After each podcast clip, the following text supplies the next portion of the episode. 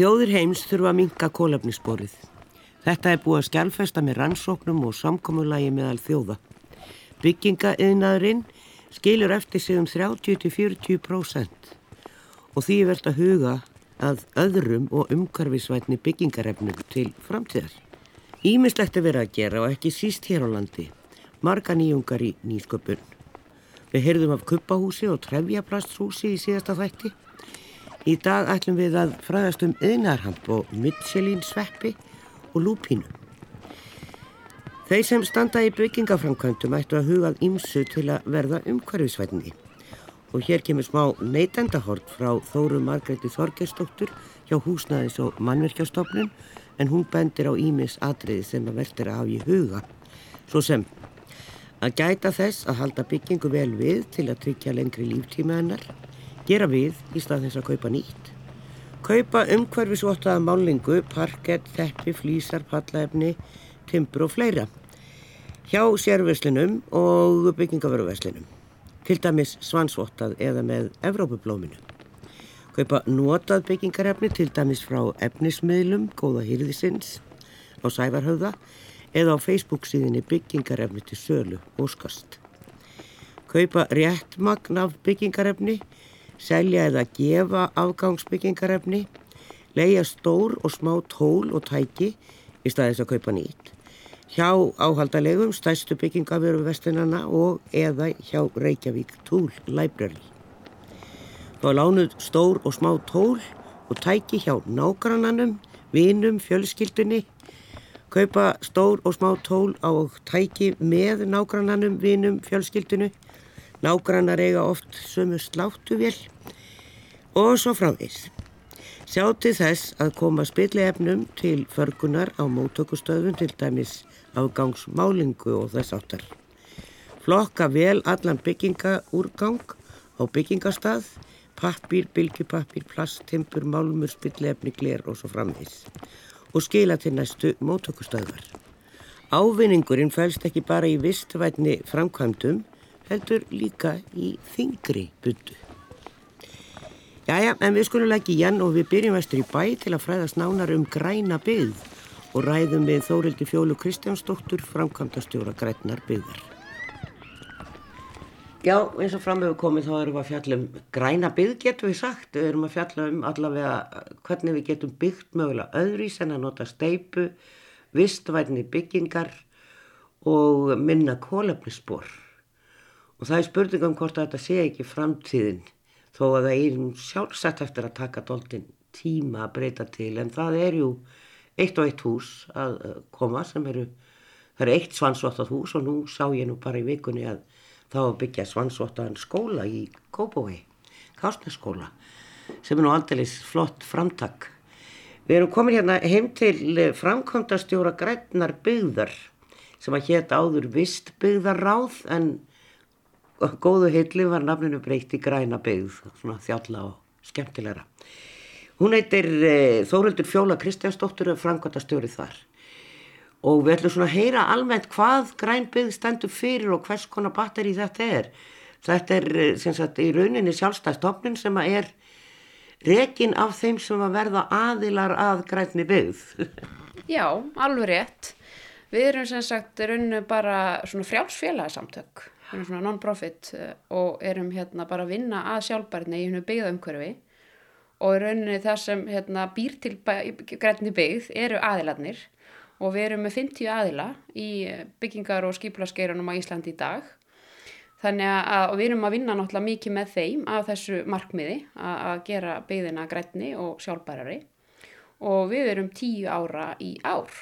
Við vorum stofnu 2010 og við gengum líka, þess að þú nefndir þetta við breyttum nafninu úr vistbyðaráði í grænni byggð. Á sama tíma við gengum formulega inn í samtök sem heita World Green Building Council. Og svona Green Building Council eru starfrækt í 70 löndum við sögurum heiminn og eru mjög öllu á Norrlöndum og þar kallaðu þessu alltaf Green Building Council Denmark og Sweden Green Building Council og svo framvegs en okkur þykir svona réttara að bara heita grænni byggð en við erum líka sem sagt uh, Green Building Council Æsland það er enska heitið yfir samtökin Já. eða félagsamtökin Í- Maður velti svona fyrir sér, þarna eru margar verkfæriðstofur, arkitektastofur, fjárfestingar fyrirtæki og, og verktakar og aðri sem að koma, þessir aðilar sem koma inn. En hvernig svona er ykkar samstað? Maður velti fyrir sér, hingir einhver í þig og segir, heyrðu þú eru að koma hérna, við erum að fara að byggja hérna stórt hús, hvað er þú að gera? Uh, samstarf er rauninu bara fjölþætt, náttúrulega við erum með sterkar stjórn og aldafyrirtækin, þess að við erum með sjö hérna, stjórnumæðlimi og þeir eru sagt, úr aldafélagunum við erum náttúrulega bara vel með stjórnunni og svo erum við náttúrulega líka með hérna, verkefni, við erum með, við verið með verkefni um hvernig áma skilgrana um hversu byggingu í íslensku samengi, þá sendi ég bara út pósta þá einhverju á- áhuga að vera með í því og svo fær maður viðbröð við því. Svo líka eru aðlunar að hafa samband við okkur varðandi ymsa spurningar og líka hérna samstarfsverkefni. Við höfum verið til þess að kannski sækjum með ymsum aldarfyrirtækjum um styrki, um smærri verkefni kannski tengdu hringrásahagkerfinu og svo erum við náttúrulega með ráðstöfnur við höfum verið núna síðustu ár með þess að tvær ráðstöfnur eina, eina sem heitir dagugrætni byggðar sem hefur verið með á vorin Svo var reynda að vera núna allan tvö síðustu ár með svona faglega ráðstöfnu á haustin og þá erum við líka alltaf bara að vinna að þessum viðbörðum og ráðstöfnum í samstarfi aðlana. Og við hefum verið með eins og í síðast á bara sett í einhver hóp til þess að búa til daskra fyrir dagrætni byggðar og fengum arkitekta og, og bara alla sem höfðu hugmyndir að koma með sagt, svona þema eða áherslupunta enn í það. Og eins eru náttúrulega morgunfundir sem hefur verið með, þeir hafa verið alltaf í svona samstarfi við aðlana síðast núna vorum við með ferðavennjur eftir COVID uh, og þá bara býr maður til lítinn verkefnahóp og sem sagt því sem er alltaf sem sagt yfirleitt aðlarnir sem þær eru í svona mestu sambandi við. Þannig að þetta er rauninu bara uh, mjög fjölbreytt samstarfið. Já. og, hérna, og fólki er sem þú segir þetta eru verktakar og, og sumur eru náttúrulega að vinna aðeins með brímvottunarkerfið og þá eru kannski alls konar spurningar í kringum það, við erum að búið til fræðslefni þar. Og, og svo erum við náttúrulega með þetta tengslanett og þar er alls konar stefnumótun í gangi.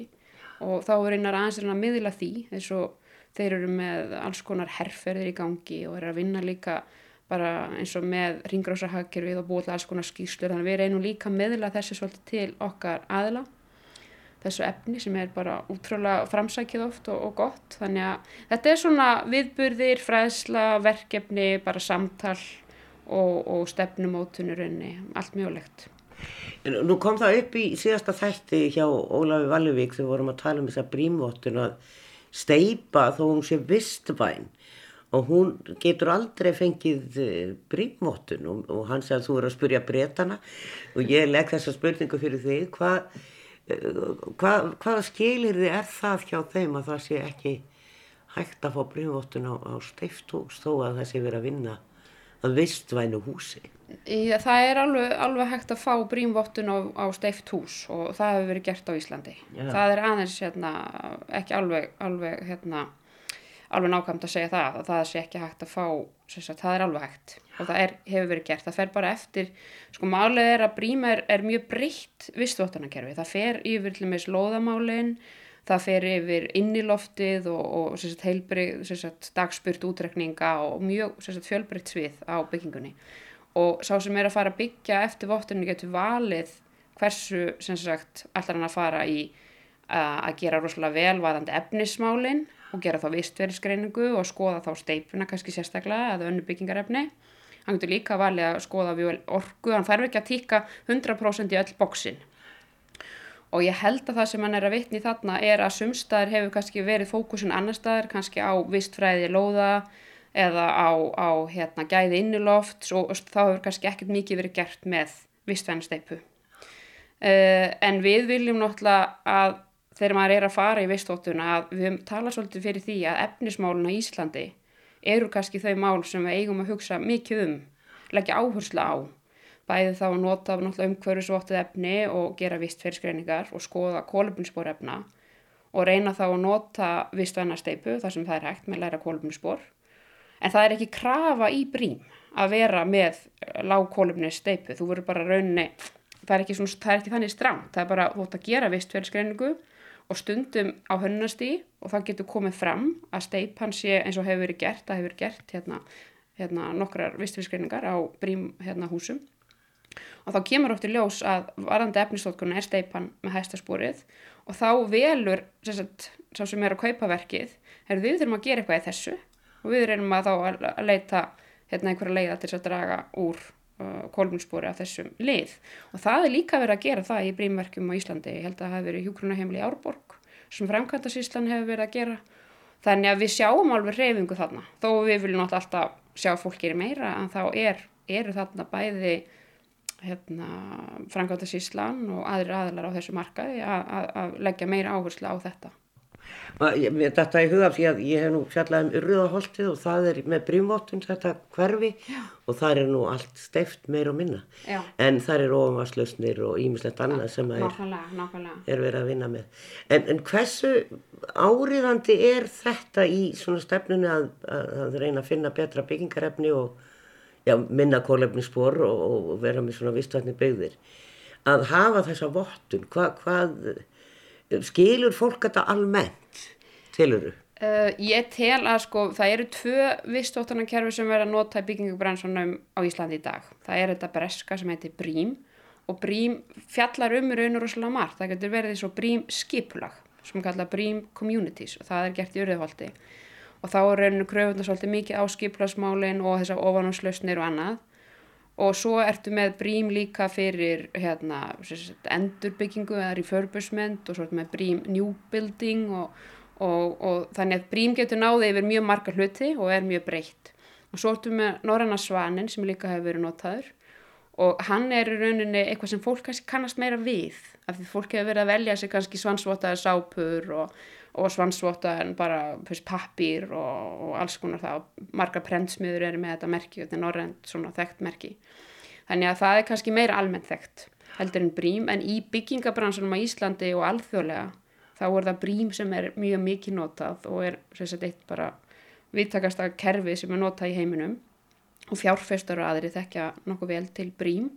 Þannig að við hefum svona svolítið sagt að það er að nota þessu kerfi Svanur næri ekki verið alla byggingar í dag, ekki stærri byggingar og Brím kannski hendar ekki fyrir íbúðarhúsnæði.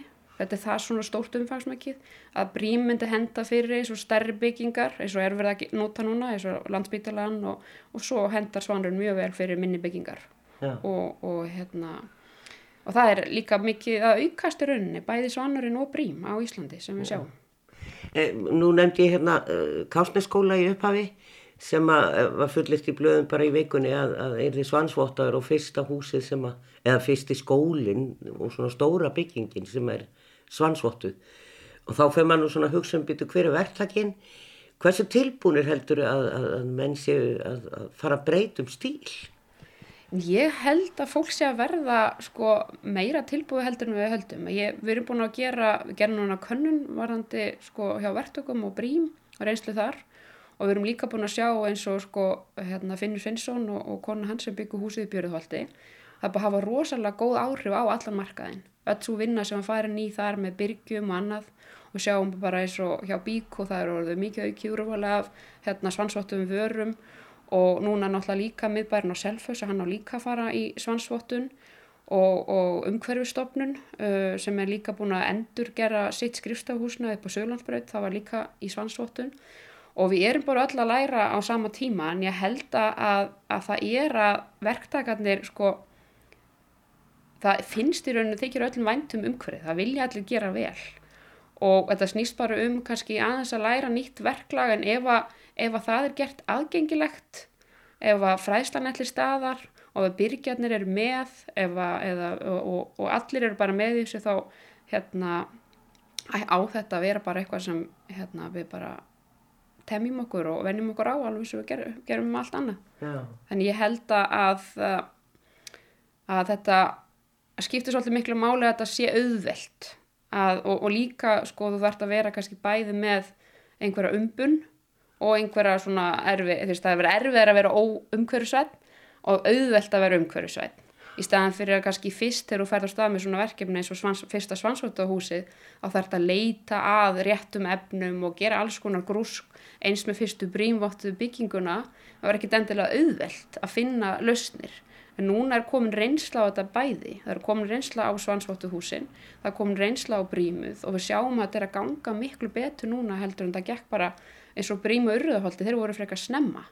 Núna ef þetta eru komin meiri sérfræðingar, sérfræðar þekking, uh, blágrannar ofanslaustur er náttúrulega eitthvað sem Reykjavíkuborg og Sveitafjölun líka er fann að gera sér grein fyrir algjörlega nöðsilegt líka til þess að takast á við lástarsbreytingar og annað.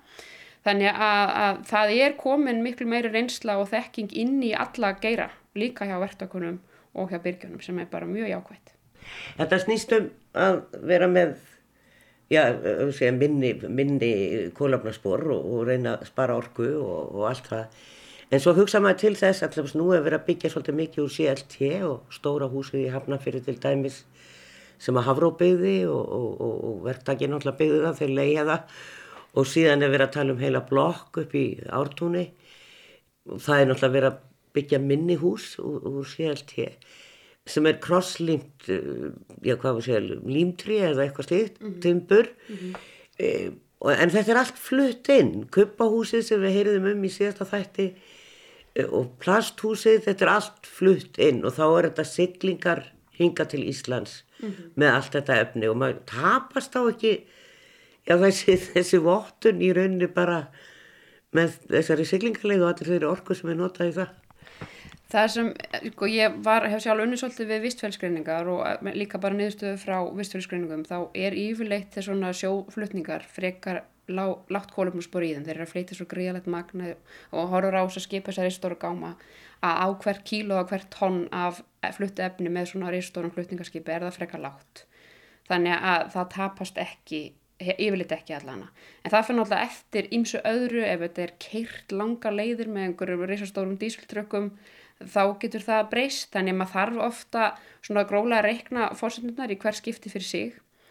Þannig að en yfirleitt er það að, að flutningurinn er lár og efni heldur sínum hérna, umhverjus stimplir líka á Íslandi.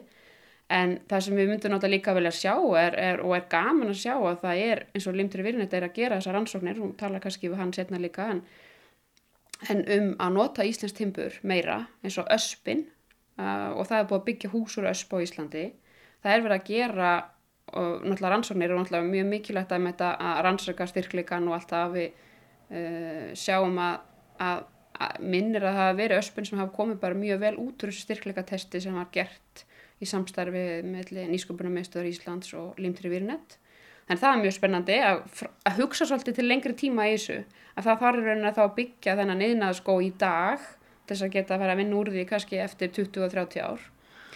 Ég held að þó að við verðum alltaf að flytja inn einhver efni þá þurfum við líka að reyna að hugsa svolítið hérna, staðbundið að nota meira staðbundin efni ef við getum. Einhverju, einhverju magna allana Sagði Þóruldur Fjóla Kristjánsdóttir framkvæmtastjóri Græna byggðar. Hampur er ótrúlegt efni sem hægt er að nota í fatnað, fæðibótarefni og sem byggingarefni og margt fleira. Mér að segja hægt að framleiða eldsneiti úr hampi Við hittum Loga Unnarsson Jónsson. Já, það var ákveð að koma okkur fyrir hér í árbænum. Ekki svo sem af neinu sérstaklega en maður fæður svo sem að hugsa um gamlu húsin hér. Þau eru kannski vistvætni en mörg önnur í borginni. Þetta er allt tempurhús frá ymsum tímum og hafa verið fluttingað upp eftir.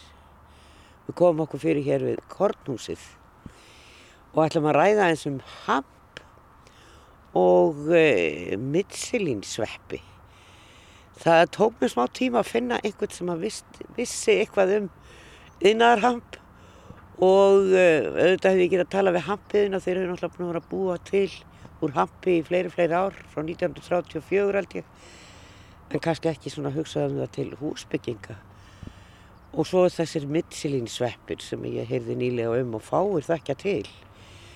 En Lógi Unnarsson Jónsson þekkir eh, til þessa. Hann hefur verið að vinna hjá Límtrija Výrnett og er að ljúka störfum þar en verður áfram í samstarfi þar og hvað þetta að fara að gera? Það er að fara að þróa byggingarefni úr þessu tvennu eða hvað, hvað er þetta að hugsa? Já, ég hérna e, núna loksins fengum við að rækta einaðarhamp aftur Já. eftir margra áratögar hlýja og hérna og ég er að rækta eh, í samstarfi við bonda á Suðurlandi undir Eifjöldunum töluvert magn af, af hráefni sem við ætlum svo að, að, að, að taka í haust og uppskera og, og, og fara að þróa og búa til alls konar prototýpur fyrir hérna, byggingariðina alls konar efni, plötur og kuppa og hampsteipu og hamptimbur og hampeinangrun og ég geti nú setið inn í allan dag og talið upp það sem hægt er að gera úr hampinum Já, eru, það, það eru eitthvað týjir þúsunda vörutegunda nú þegar til úr hampi já, skríti. Höfum við bannað þessa ræktun út af því að þetta er sama jurt og er notuð í marihuana?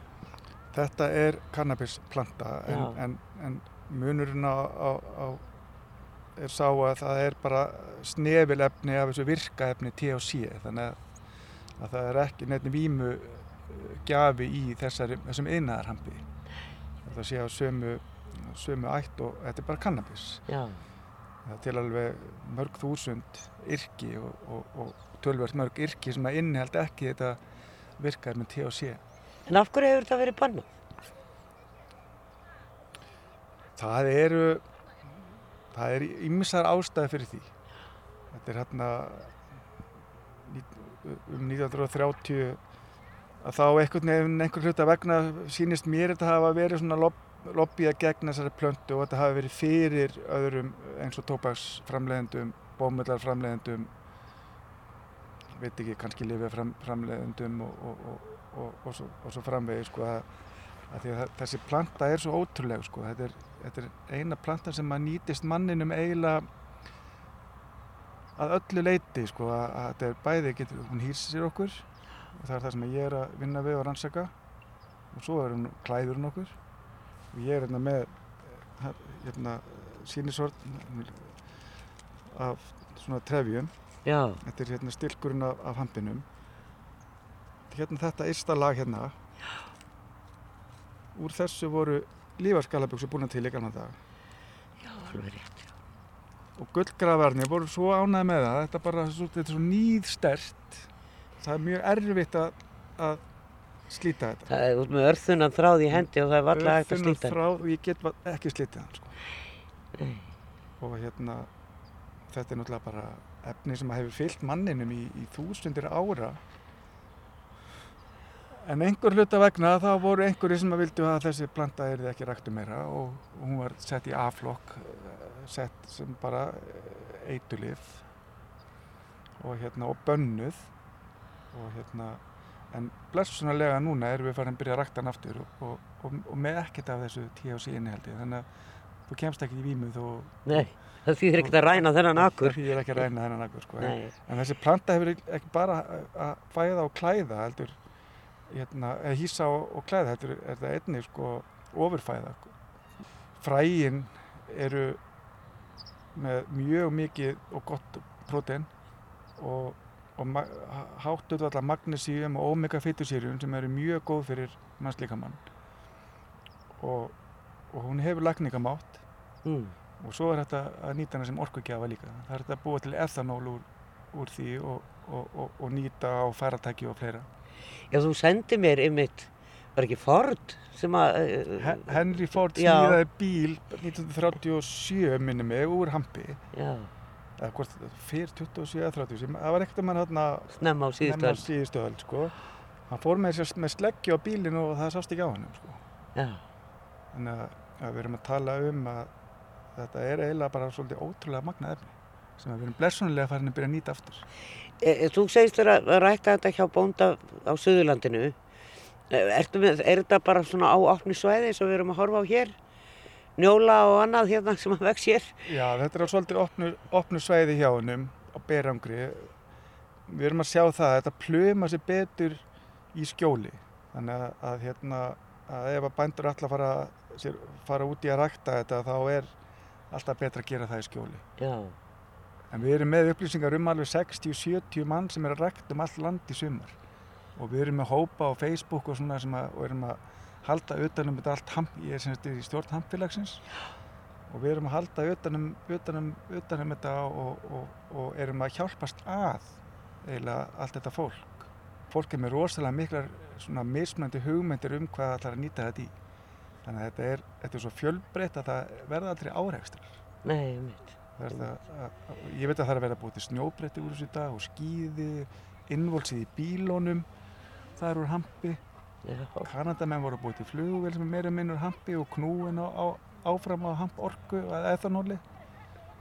Þannig að, að, að já, þetta er eiginlega bara mjög skemmtileg vegferð sem er að fara í gang hjá okkur. Og En, en hvað þarf að, þetta að vera stórir akrar sem að þú ætla að rækta til þess að þetta sé, já, svona, einmitt, eitthvað efni til að nota í framleiðslu til dæmis fyrir byggingar yðnaðin?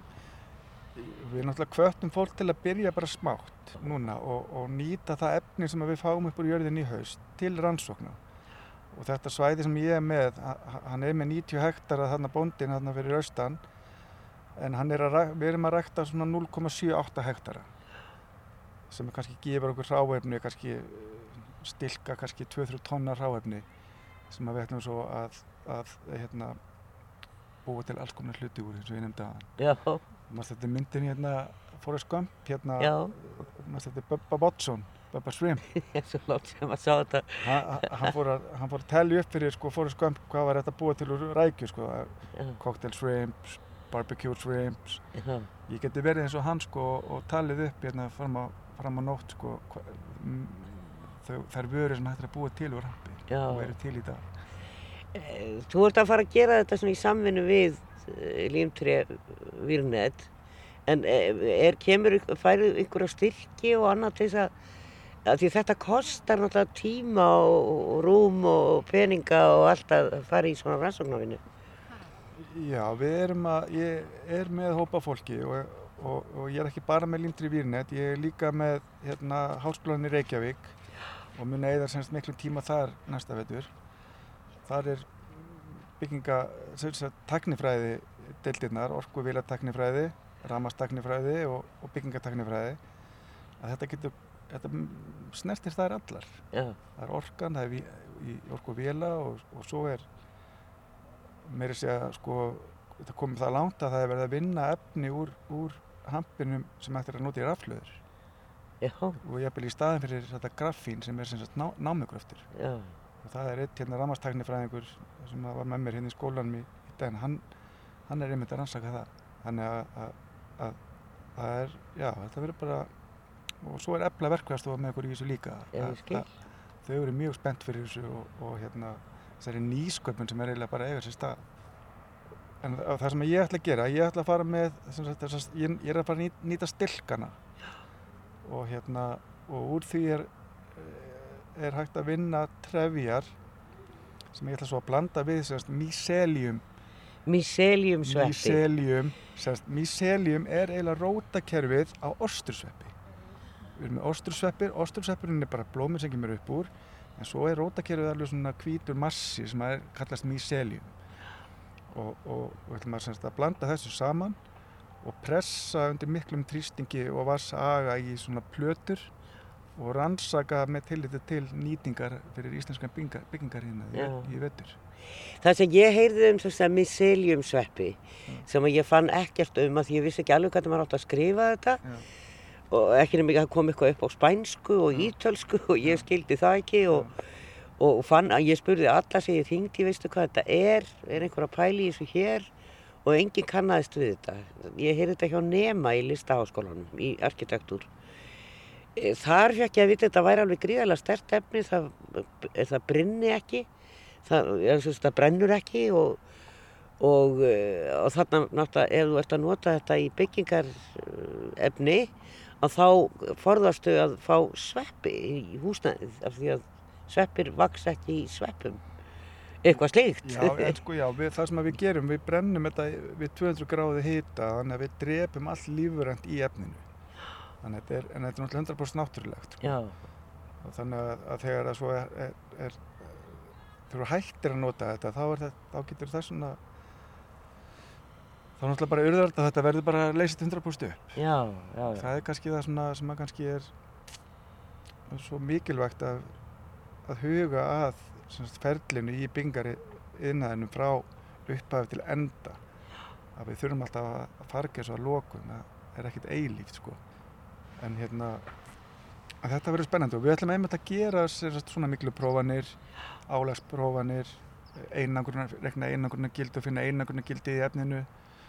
Og, og svo dreymum um að, byggja hús úr íslensku timbri, íslensku miðnaðarhampi og íslensku sveppum. Það getur við rækta þessu sveppi á Íslandi?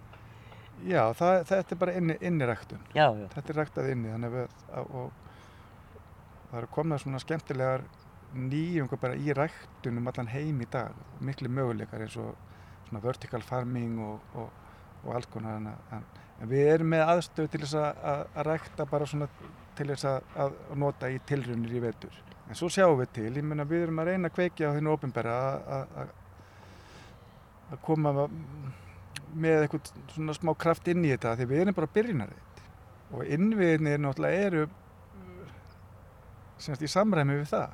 Já, það eru engir innviði til þess að, að þannig sé.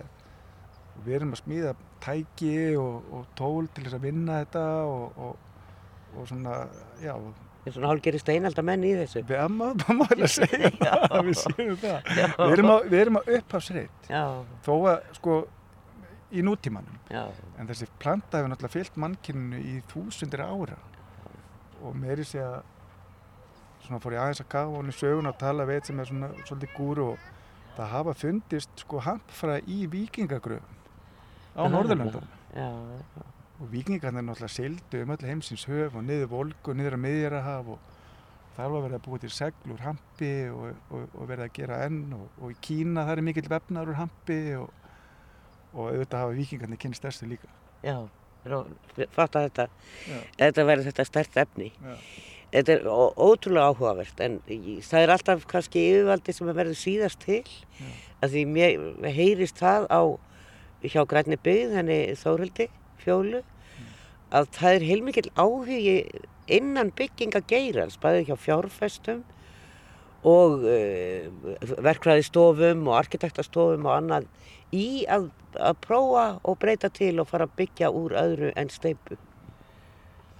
Já og hérna við aðeins verðum allir að skoða sko áallun ríkistjórnarinnar og það er ekki neitt nein áallun um að taka til í byggingariðnaðinum. Kannski er það að treysta á enga framtaki þar sko en hérna en byggingariðnaður ná söka á sko 40% orku og ráfnaðnótkun álfunar. Þannig að það er til mjög mikils að vinna þar og ef við getum komið með einhverju önnur efni en, en, en steipu sem hefur mjög hátt kóluminsspor, framverslan á sementi þá er það náttúrulega mjög mikill ávinningur og mjög mikill ávinningur fyrir, fyrir okkur sem þjóð og þessar skuldbendingar sem við hefum skrifað undir í umhverfismálum að leggja líka áherslu á byggingariðina. Já, nákvæmlega. Við horfum hérna á bara, við horfum til hliðar hérna hrúu af, af grjóti, steipugrjóti, reynlega. Ég veit ekki hvaðan það kemur okkur þetta er hér í Árbæðisafni. Þetta fjall. Náttúrulegt, náttúrulegt, Já, þetta verður náttúrulegt grjót eitthvað sem er hoggið til þetta. Er þetta ekki hlæðstjústeinar? ég, það getur vel Er verið. það? Já, Já. það má kannski nýta þetta í hús. Já, það má alveg hlaða húsið þessu. Já, já, já. Og, og einangraða með hérna Með með hampsveppa einangrun Ha, Sagði Logi Unnarsson Jónsson en af því að þarna var minnst á hampiðjuna sem er ennþá starfandi og vissulega framleiðir hampiðjan ennþá veiðarfæri en allt úr gerfiefnum. Löngu hættir að nota hampin en það hefur hann verið bannaður. En óneitilega spennandi rannsóknir hjá Loga og samstagsmönnum hans framundan. En við hendum líka alveg ótrúlega miklu af nýtanlegu efni. Hilmar Páll Jóhannesson og Inga Lóa Guðjónsdóttir reka fyrirtæki Loftkastalan og hafa þau bækistöði Guðunesi á lóð ábyrðarvesmiðuna gömlu og Inga Lóa sendi mér eftirfarandi upplýsingar varðandi þeirra fyrirtæki. Það getur verið flókið að nálgast efni úr húsum sem á að fara að rýfa. Það þarf að fá leiði til að taka efni við og svo þarf tíma til að ná þessu út úr húsunum sem er ekki alltaf til staðar. En svo eru aðilarnir sem er að byggja upp ný hús að vera í samband við þá. Eh, Þegar nálgast verklokk þá er oft hægt að fá að fara í gegnum allan afgangin áður en það er keirt á sorpu. Við unnum við niðrif á Seljavegi 2 þar sem allar hæðir áttu að tæmast og fengum leifi til að endur nýta það efni sem hægt var að nýta og gæti sem sagt nýst okkur. Þar fengum við helling af ramasefni, köplum, ramagstöplum, innstungur og rófum sem var ekki nema nokkru ára gamalt. Öll nýtileg steinull var tekinn, klósett og vaskar og eldvarnar hurðir. Þetta efni hefur okkur nýst vel í Guðvinnesi. Við komum að uppbyggingu óbyggðasettus Íslands og söpnum gamla efni sem var nota þar. Stengur með Karlsson og Arna Björg Bjarnadóttir voru duglega við að sapna þessir gamlu efni til að byggja þetta upp svo að það erði gamal karakter yfir öllu. Svo erum við að sapna efni í heilt hús. Eh, það er gamli Guðvinnarspærin sem stóð áður hér í landi ábyrðavestmiðunar. Stefnan er að endurbyggja hann allan úr endurunnu og íslensku efni. Efni verður valið svo hægt sé að reysa hús eftir íslenskum stöðlum. Efni fær nýtt hlutverk og þessi öflun gengur vel. Svo hefur við miðlað efni áfram sem við höfum ekkert við að gera og gæti nýst öðrum. Það er vakning. Efnismiðlun góða hyrðisins og efnisveitan og fleiri aðlar á Facebook er að miðla notuð efni. Kerfið hins vegar talar um græna uppbyggingu en virkar ekki í raun og veru. Systemið er orðið og flókið fyrir svona uppbyggingu. Fyrir aðilað sem er að huga því að byggja sér sumarhús geta þeir farið að sapna efni og út frá því láti tekna fyrir sig, þannig er hægt að nýta það efni sem fellur til, glukkar, hurður og annað slíkt. Svo maður fara að skoða þess að þróun í efnum sem talin eru umhverfisvæni eins og plastmálungu sem seldir á timbuverk sem veldur því að timbrið er ónýtt á nokkrum árum. Þannig maður spyr sig, hvað er umhverfisvænt við það? Hið besta mála endur nýta eins og hægt er og við ætlum að bregða okkur að elliða ánum rétt við Íþróttasvæðið í Árbæ. Já, við erum búin að heyra um hamp. Spennandi, uh, hvað er þetta að gera úr hampnum? Og sveppunum, það er alveg ótrúlegt. En svo er nú annu planta sem við sjáum nú nóg af á Íslandi og sumir eru mjög fúlir úti. Aðrir er elskana og það er nú eiginlega ekki hægt að segja annað að en að lúpínu breyðurnar þegar að blómstra eru fallegar, það finnst mér og mörgum öðrum. Og það er einhvern veginn komið sumar þegar lúpínurnar blómstra um allt. Ég tala nú ekki um þá maður fyrir á Suðurlandi og keiri þar yfir sandana og það er bara fjólublott en ekki kólsvart eins og var áður en lúpínan kom. En það eru margir sem vilja bara rífa hann upp og Við ætlum ekki að ræða um það, við ætlum að ræða um hvað er hægt að gera við lúpínuna. Er hægt að nýta hana í einhvers konar trefjar. Og þær eru tvær sem eru vöruhönnuðir, Elín Sigriður Harðardóttir og Inga Kristín Guðlustóttir. Að þær hafa verið að vinna með lúpínu og, eh, og verið að finna út úr því hvort það er hægt að vinna trefjar úr lúpínunni. Þetta er annars forvöndilegt. Þið voru með þarna á Hannunamars og, og sínduð og sögðuð frá á, á svona spjaldsýningu eins og þetta var nú. Hvað eru að gera, hvað eru þið að gera? Því það kom nú ekki allir á þessa síningu Já, við erum í rauninu með svona rannsóknarverkefni í gangi uh, sem að gengur út á það að, að finna út svona möguleikana með þessa plöntu bara alla, bæði rætur og, og ofanvöxtinn. Og við erum svona til að byrja með að reyna að skoða þetta alltaf svona vítt. Við höfum alveg framlegt eða búið til sínusotn af bara svona sterku efni eins og sínt var á síningunni, svona sterku trefja efnis, svona plötur um, sem má kannski líka við MTF eitthvað svona meðal stert svona trefja efnis en okkur langar að samt að skoða hana svona eins og á, á breyðari grunni líka svona í tengslu við til dæmis umbúðir. Og það er svona planið næstu, næstu tvö árið. Við sittum hérna við elli átna niðri og áinn hérna fyrir framann okkur. Hér er fullt af lúpínu og hún er svona alveg að klára sína blómsturtíð og þá verður þetta nú bara grænt. Og e, þetta er náttúrulega eindislegu staður. Þú býr nú hérna rétt hjá Inga og en e, svona hva, hvaðan kemur þessi hugmynd að fara allt inn að tekka eitthvað á lúpínu? Sko, e, uppálega byrjaði þetta í, í hérna, listaháskólanum, í námin okkar. Já. Við semst, vorum saman í, í vöruhönnun námi í listaháskólanum. Byrjuðum þar 2016 og hérna við ég, það var eitt námskeið sem við vorum á sem að hérna, við áttum að koma með, við áttum að drepa eitthvað og koma með það í skólan. Já, ég skil. Og hérna, þá ákvað ég að fara þar, ég á landskika út á landi sem að lúpina var að koma sér eh, svona festarætur og mér líkaði það ekki vel og, og ég ákvaði að drepa lúpinu og hérna kom með henni í skólan og síðan fór ég að vinna svona með plöntuna sem svona hráefni og kanna bara hvað væri hægt að gera úr henni. Og það var svona upphafið af þessu. Svo í framhaldinu þá uh, kom Elin inn í þetta með mér og við fórum að uh, fengum styrk frá nýsköpunarsjáði námsmanna til að vinna verkefni, sumarverkefni. Og þá gerðum við svona tilrænum með trefjablötur og, og letum prófa þær, eh, svona bróttólsprófun til þess að sjá hvort þetta, hversu stert þetta væri. Og það lofaði svo góðu að við ákvaðum að halda áfram með þetta eftir námið og hérna erum komin í það núna. Það má kannski segja að þetta hafi viljað hálfgerð tilviljun að, að, að fara að tjekka á þessari blöndu. Já, já, já, það má segja það sko. Já, já. Já.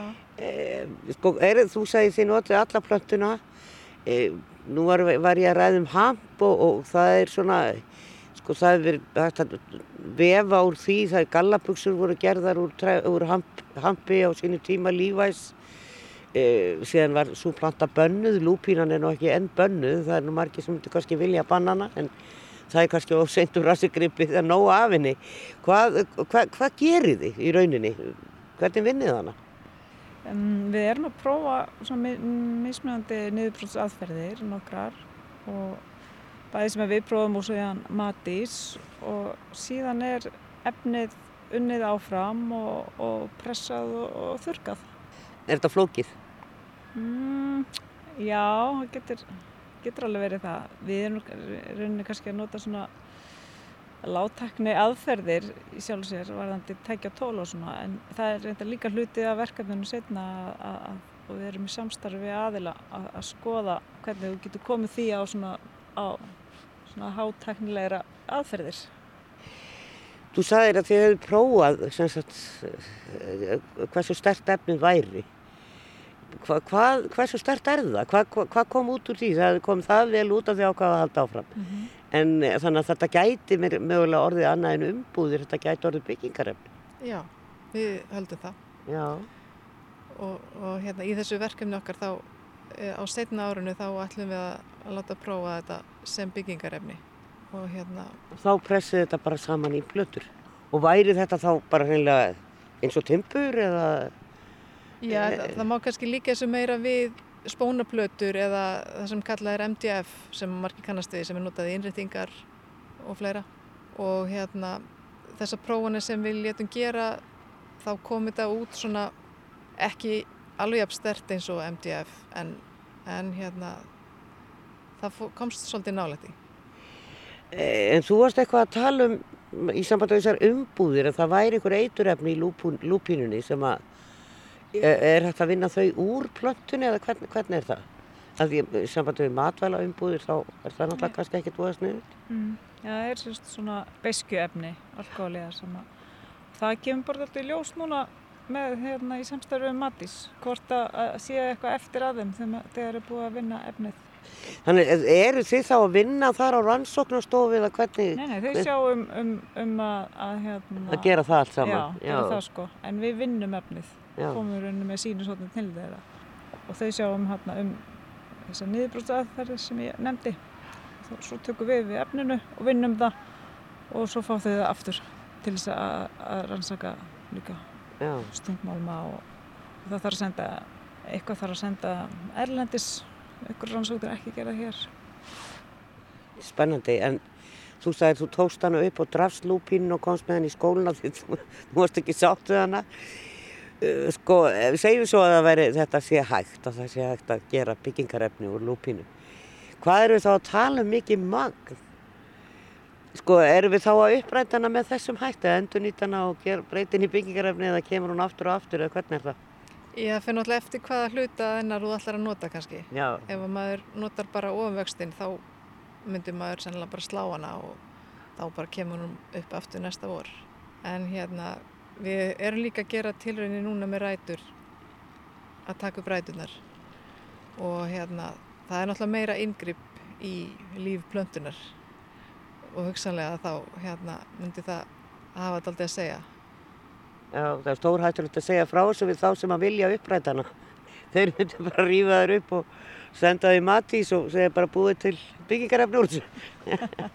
og hún er farin. Já, já, Já, það er spurning. já. En hvernig er þetta umhverfi ykkar, að, að, að prófa þetta? Hver, hvers konar umhverfi er ykkur bóðið upp á í svona rannsóknum? Er þetta, já, styrkir, hver, einhvern veginn þarf maður að lifa eða er þetta bara gert í frítíma eða hvernig, hvernig gerir þetta?